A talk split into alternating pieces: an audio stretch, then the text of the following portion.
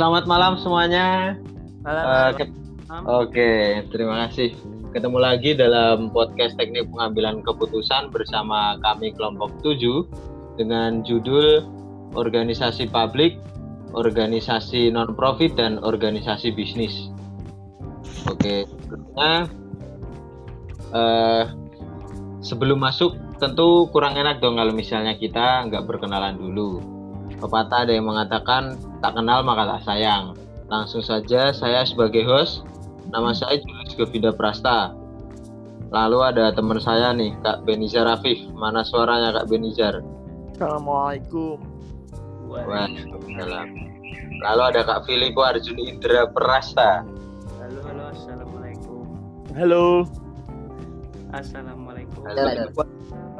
ada yang ketiga oh iya waalaikumsalam yang ketiga Yang terakhir nih paling cantik sendiri nih karena cewek sendiri di kelompok kami. Namanya ada Kak Nadila Seliarlina.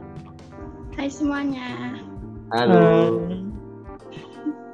Langsung saja tanpa basa-basi kita masuk dalam pembahasan materi. Sebelumnya kami juga ingin mengucapkan turut berduka cita atas tragedi tenggelamnya kapal selam KRI Nanggala.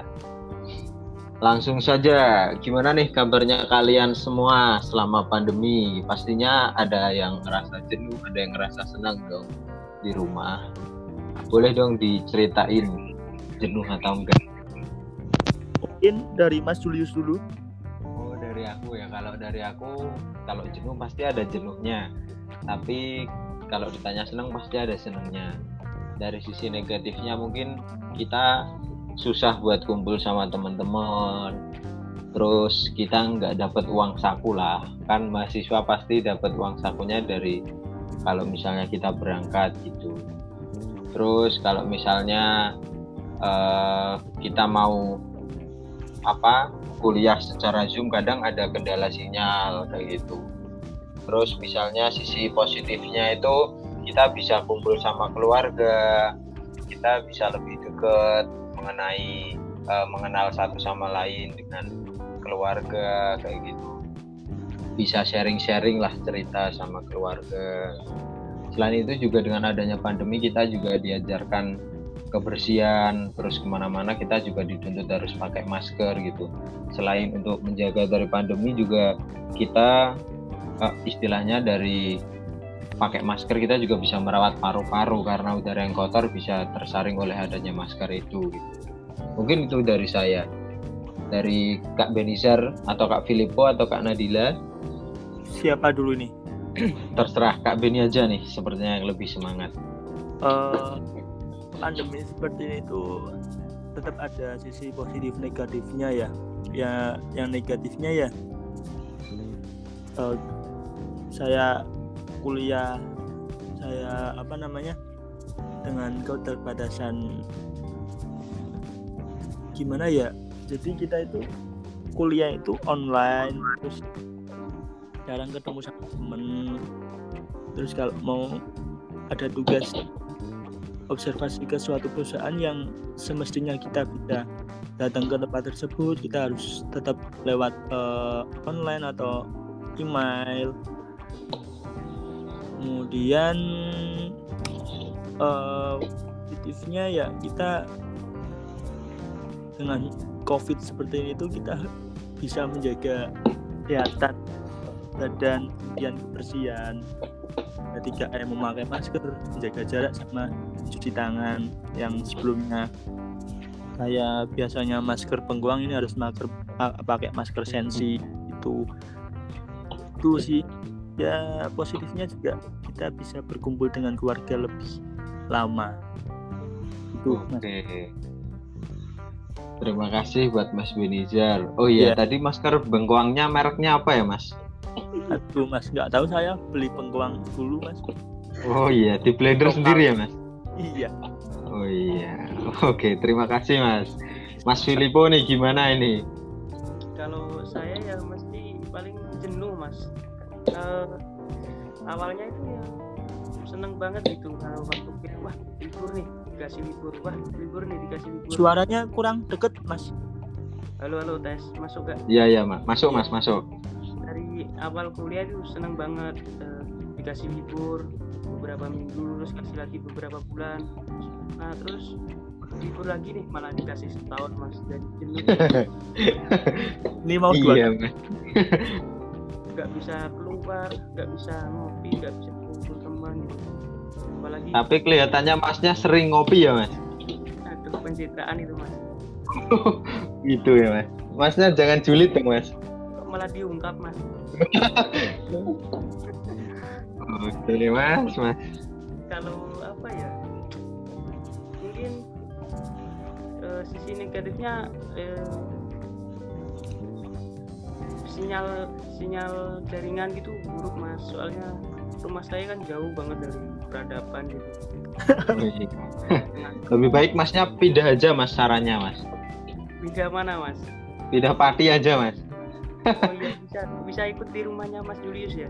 Wah kalau itu harus ada biaya tambahan mas. Berarti itu maksudnya di organisasi bisnis dong mas. apa Kalau suruh nginep terus bayar.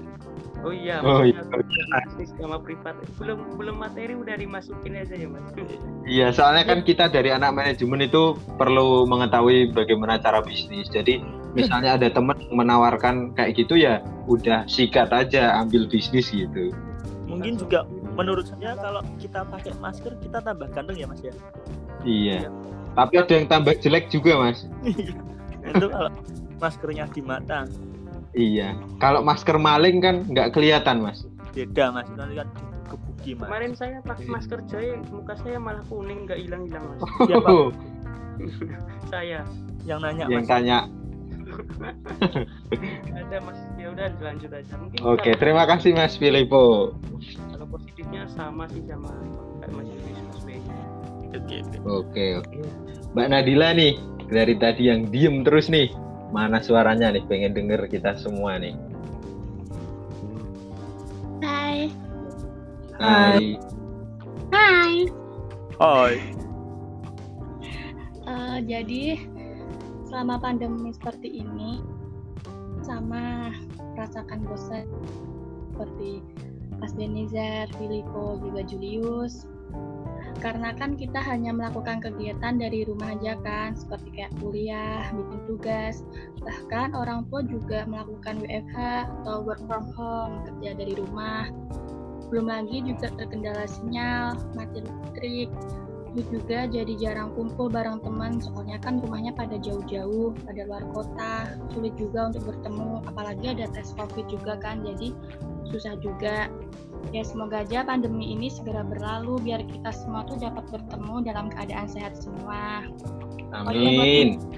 Semua jangan lupa ya menjaga kebersihan cuci tangan pakai masker menjaga jarak gitu Oke, Kakak. Siap.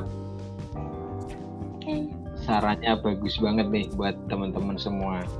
Eh, masa pandemi juga kan ini belum selesai, jadi buat kalian semuanya sebisa mungkin lah jaga kebersihan, jaga jarak, pakai masker dan ikuti protokol kesehatan yang ada di setiap daerah masing-masing gitu. Nggak Oke, boleh terima mudik kasih. ya. ya. Iya, nggak boleh mudik mas ini mas.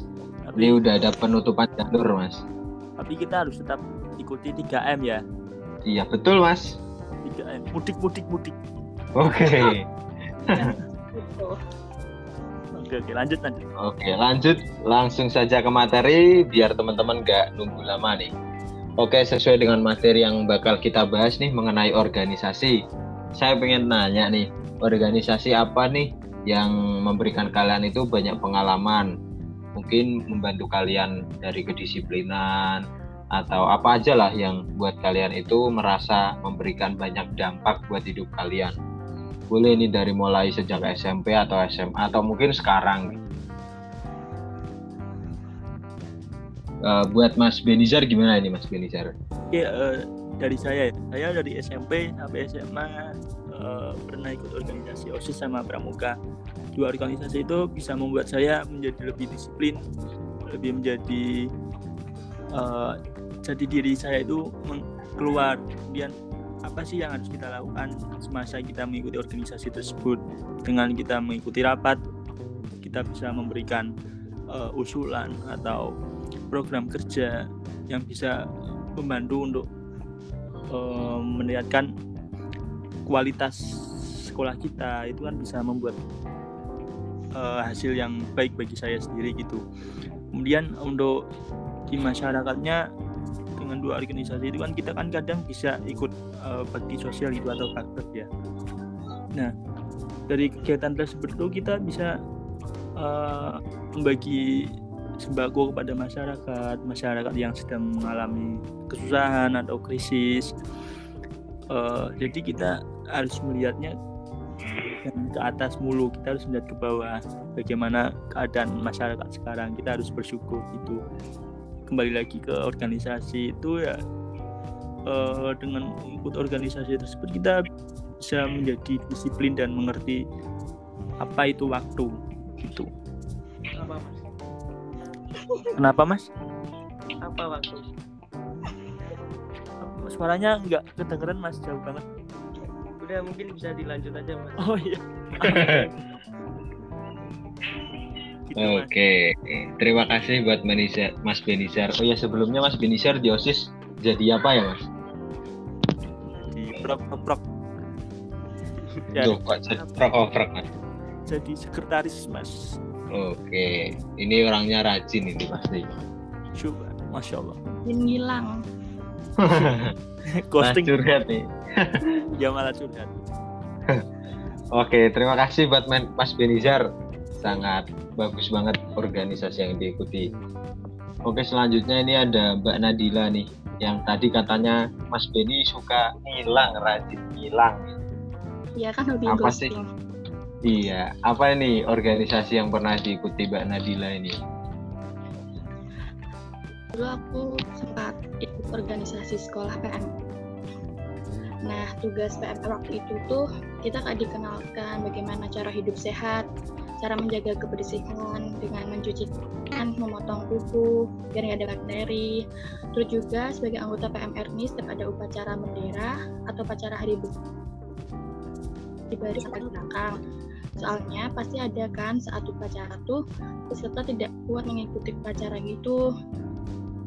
Jadi sakit, pusing, bahkan tuh ada yang pingsan. Ya soalnya kan fisik setiap orang kan keadaan kan berbeda-beda juga. Jadi tugas PMR pasti segera menangani siswa yang tiba-tiba sakit seperti itu. Eh, terus hal positif yang bisa diambil tuh ya kita jadi kebersihan. Kan kadang kita juga masih sering mengabaikan hal-hal kecil seperti itu juga kan. Tapi jiwa sosial yang tinggi seperti saling menolong-menolong antar sesama. Ya kurang lebihnya organisasi yang pernah saya ikutin ya seperti itu. Mungkin yang lain bisa nambahin. Oke oke. Oke, Menarik menarik. menarik ya. Jadi PMR jadi istilahnya relawan kesehatan lah buat teman-teman. Kalau Mas Billy itu apa? kalau saya itu apa kebanyakan Oke Mas, organisasi terima kasih Mas. Oh belum mas, belum mas, belum. Gimana Mas? Gimana mas Filipo? Iya mas Filipo, Mas Arjun. Maaf Mas, suaranya kurang dekat ini. Halo, tes. Udah, tapi kurang keras dikit mas. Iya kurang keras. Ini udah keras mas di ruangan Oh, iya. saya. Oke oke, dilanjutkan. Kalau saya kebanyakan dari eh, bisnis mas, organisasi bisnis kayak jualan kecil-kecilan gitu buat buat es, buat takjil, eh, jual. Dulu pernah kewirausahaan jual rice box gitu mas. Dapat juara dua lagi. Lumayan. Kalau- Organisasi yang kayak di sekolah itu Mas ikut Mas. Eh, jarang sih dulu pernah. Musik itu. Apa? Musik. Musik, Oh musik pernah pernah. Iya itu kan termasuknya menurut saya. megang apa mas? Apa? Megang apa mas dulu waktu musik? Listrik mas. Me- megang kabel mic mas. Oh iya, jadi standnya ya mas. Mas. Iya, saya yang di belakang panggung malah. Oh, Oh iya, sound system Mas. tukang itu. Iya, Mas. Oh Iya, iya. Paling kebanyakan ya organisasi bisnis lah. Iya, Berarti kayak komunitas gitu mas? Iya, komunitas sepak bola. Komunitas apa mas? komunitas organisasi komunitas bisnis gitu lah, Mas. Kayak jualan-jualan gitu sama temen. Oh gitu. Tapi nggak jual temen ya mas? Enggak, kamu mau tak? Kalau dari Mas Julius gimana itu apa Oke, kalau dari saya mungkin eh, beberapa yang pernah saya ikuti ya, yang bisa menjadikan saya kedisiplinan, eh, mengambil keputusan, musyawarah dan lain-lain itu ada organisasi OSIS. Nah, di organisasi OSIS itu dari SMP dan SMA-nya itu saya berterima kasih kepada Bapak Ibu guru karena dulu saya diberi kepercayaan nah, amanat gitu mas untuk saya itu bisa menjadi seorang ketua osis selama SMP dan SMA gitu. Nah mantap dari dari sana itu saya diajarkan gimana sih cara mengambil keputusan kayak gitu kan. Tentu kalau misalnya osis kan kita harus istilahnya rapat dulu nih.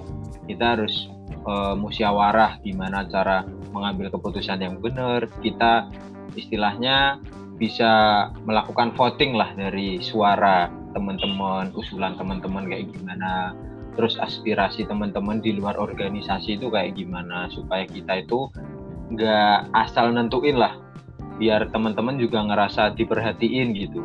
Terus program kerjanya juga bisa jalan kayak gitu. Selain itu juga di sana kita diajarkan berbicara di depan umum kayak gitu.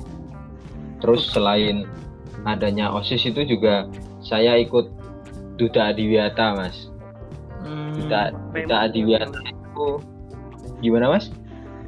Famous berarti ya primadonanya lanjut duta duta adiwiyata mas? Oh Lanjut. iya. Lanjut oke. Untuk Duta Adiwiyata sendiri itu kita itu di istilahnya kita belajar mengenai lingkungan. Oh, di mana kita melihat keadaan lingkungan mulai dari pohon, pohonnya itu pada mati atau enggak. Terus kita lihat kebersihan lingkungannya itu kotor atau enggak. Terus kita diajarkan untuk mengolah sampah. Ya bukan sampah sih, mungkin istilahnya dari bahan yang kurang eh, nggak ada nilai jualnya kita olah jadi barang yang memiliki mutu dan nilai jual yang tinggi gitu. oh, berarti ini Terus- duta eh, berhubungan dengan lingkungan gitu mas ya Iya.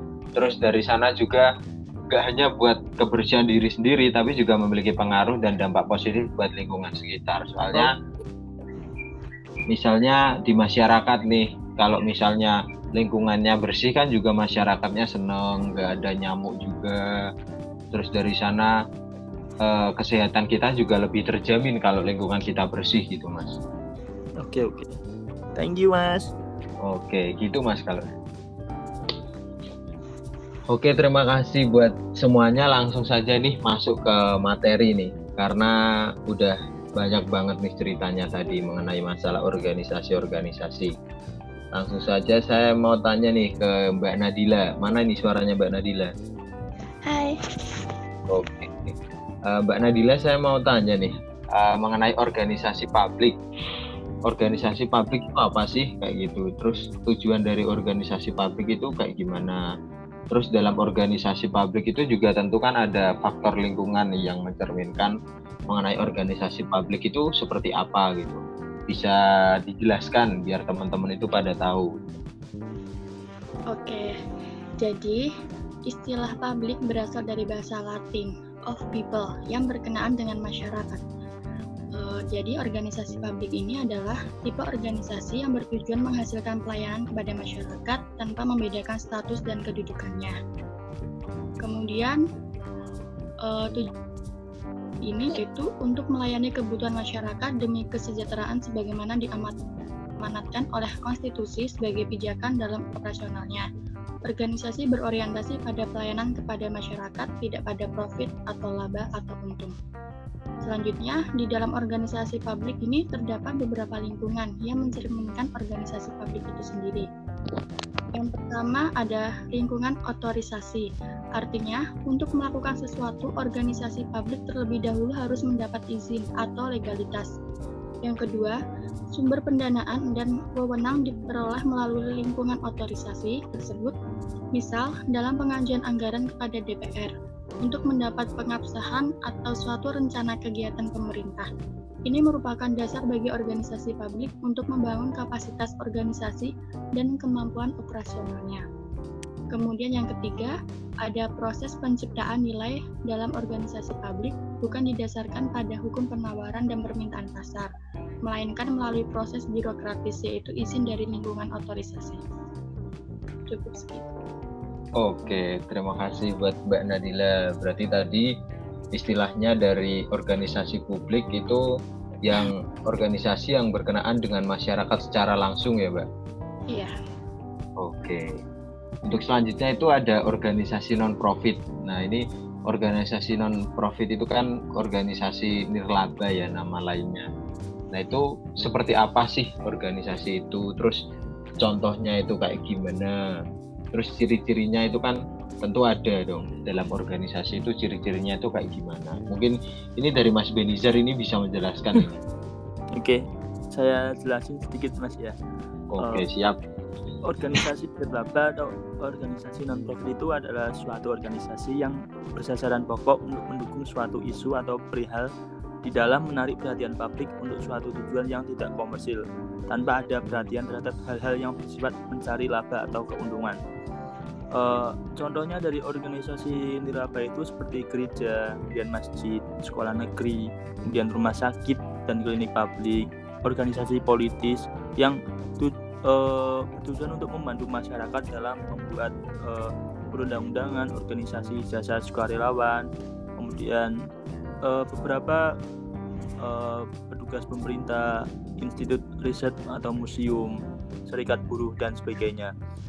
Dari beberapa contoh yang saya sebutkan itu eh, ada tujuannya yaitu tujuannya eh, mensejahterakan masyarakat itu sendiri.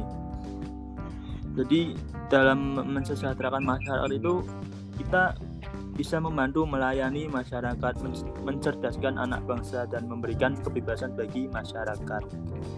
Eh, saya berikan ciri-cirinya menurut ciri-ciri lembaga nirlaba yang dikemukakan oleh Anthony dan Young yaitu yang pertama organisasinya tidak mencari keuntungan kedua memiliki pertimbangan dalam hal pembebanan pajak yang ketiga hanya cenderung berorientasi pada pelayanan yang keempat terdapat banyak kendala yang terjadi pada tujuan dan strategi organisasi kemudian tidak banyak mengharapkan keuntungan dari klien yang bermitra kerja dalam mendapatkan bantuan dana selanjutnya didominasi oleh profesional dan yang terakhir yang terakhir politik sangat berpengaruh pada da- berpengaruh dalam memainkan peranan organisasi itu mas Oke.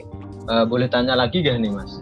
iya gimana mas Oh, buat tadi ciri-ciri organisasi non profit. Nah, itu kan ada menurut ruang lingkup PSAK nomor 45 juga ya, Mas. Itu Oh. seperti apa, Mas? Ciri-cirinya, Mas? Oke, em, ciri-cirinya itu yang menurut eh, ruang lingkup PSAK nomor 45 itu ya mas ya. Iya, Mas. Itu ada tiga. Yang pertama itu sumber daya utamanya berasal dari penyumbang yang tidak mengharapkan laba atau keuntungan. Kemudian yang kedua, organisasi tersebut mampu menghasilkan barang dan jasa tanpa bertujuan untuk menuntut laba atau keuntungan. Kemudian yang terakhir itu organisasi ini tidak tidak ada kepemilikan yang jelas seperti organisasi yang lain. Artinya dalam organisasi non profit ini tidak dapat dijual, dialihkan atau dikembalikan sumbangannya gitu mas. Oke. Terima kasih Mas Beni buat penjelasan dan banyak tadi. Bagus sekali. Oke, yang terakhir ada organisasi bisnis.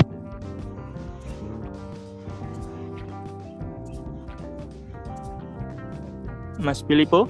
langsung ya Ya, untuk pengertian dulu ya organisasi bisnis atau privat itu yaitu organisasi yang ditujukan untuk menyediakan barang dan jasa kepada konsumen yang dibedakan dari kemampuannya membayar barang dan jasa tersebut sesuai dengan hukum pasar.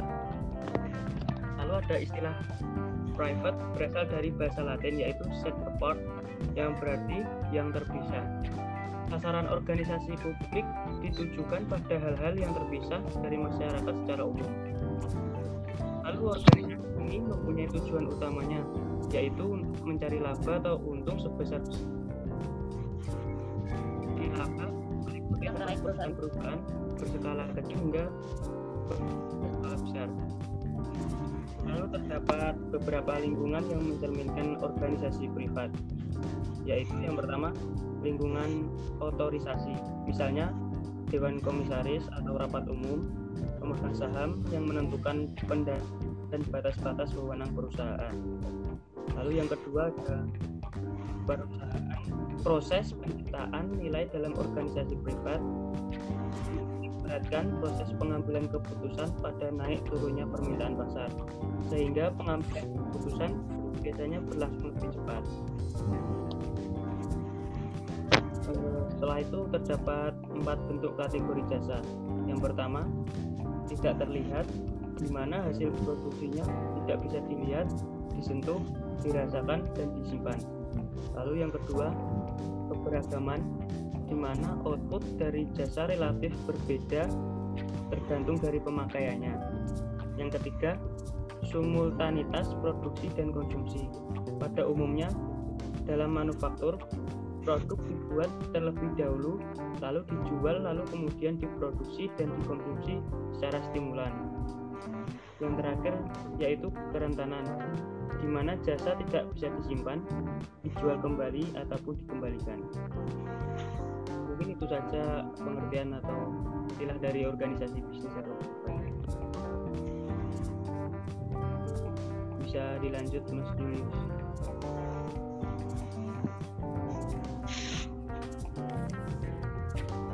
Kesimpulan ya mas. Julius Iya halo. Oke Ya bisa diambil kesimpulan. Nah dari sana bisa diambil kesimpulan bahwa untuk mengetahui di mana letak perbedaan organisasi publik, non-profit, dan organisasi bisnis atau privat. Nah, di sana itu kita dapat mengetahui dari ketiganya itu tentu mempunyai perbedaan masing-masing. Perbedaan yang dimiliki yaitu karakteristiknya organisasi itu sendiri, terus isinya dari organisasi sendiri sendiri itu kayak gimana aja gitu. Terus persamaan organisasi itu terletak pada tujuannya tujuan yang ingin dicapai pada komunikasi yaitu dilakukan karena terciptanya kepercayaan, dukungan, dan reputasi atau nama baik organisasi. Dari segi perbedaan, organisasi bisnis itu memiliki perbedaan dengan organisasi non-profit dan pemerintahan publik dalam karakteristik yang dihasilkan. Contoh per-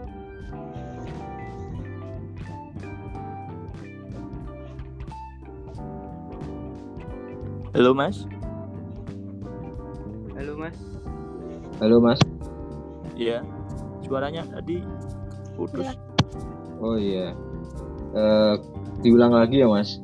lihat Untuk perbedaannya tadi itu contohnya contohnya Oh iya, contohnya dari organisasi bisnis itu lebih ke menyediakan barang dan jasa kepada konsumen. Terus yang kedua yaitu eh, contoh perbedaan keduanya itu hanya pada organisasi bisnis yang membuat keuntungan sebagai motif utama dikarenakan sebagai organisasi yang orientasinya itu memperoleh keuntungan sehingga laporan kinerja perusahaan itu dalam bentuk keuangan harus transparan agar mendapat kepercayaan dan dukungan dari publik lebih baik gitu mas. Terus hal itu itu berbeda sama organisasi non profit dan pemerintahan yang tidak menjadikan keuntungan karena dari organisasi non profit dan organisasi pemerintahan tadi seperti contohnya itu museum terus kayak istilahnya bantuan ke masyarakat masyarakat gitu jadi mereka tidak mengambil keuntungan tapi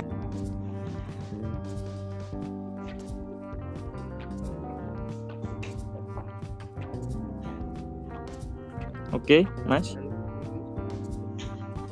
Julius, Mas Julius.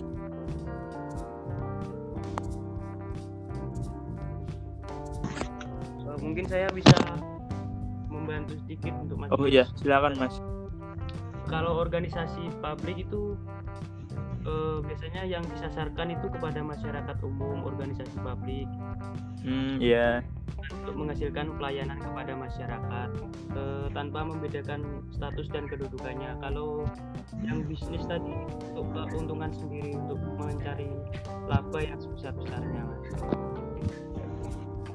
Oke, oke.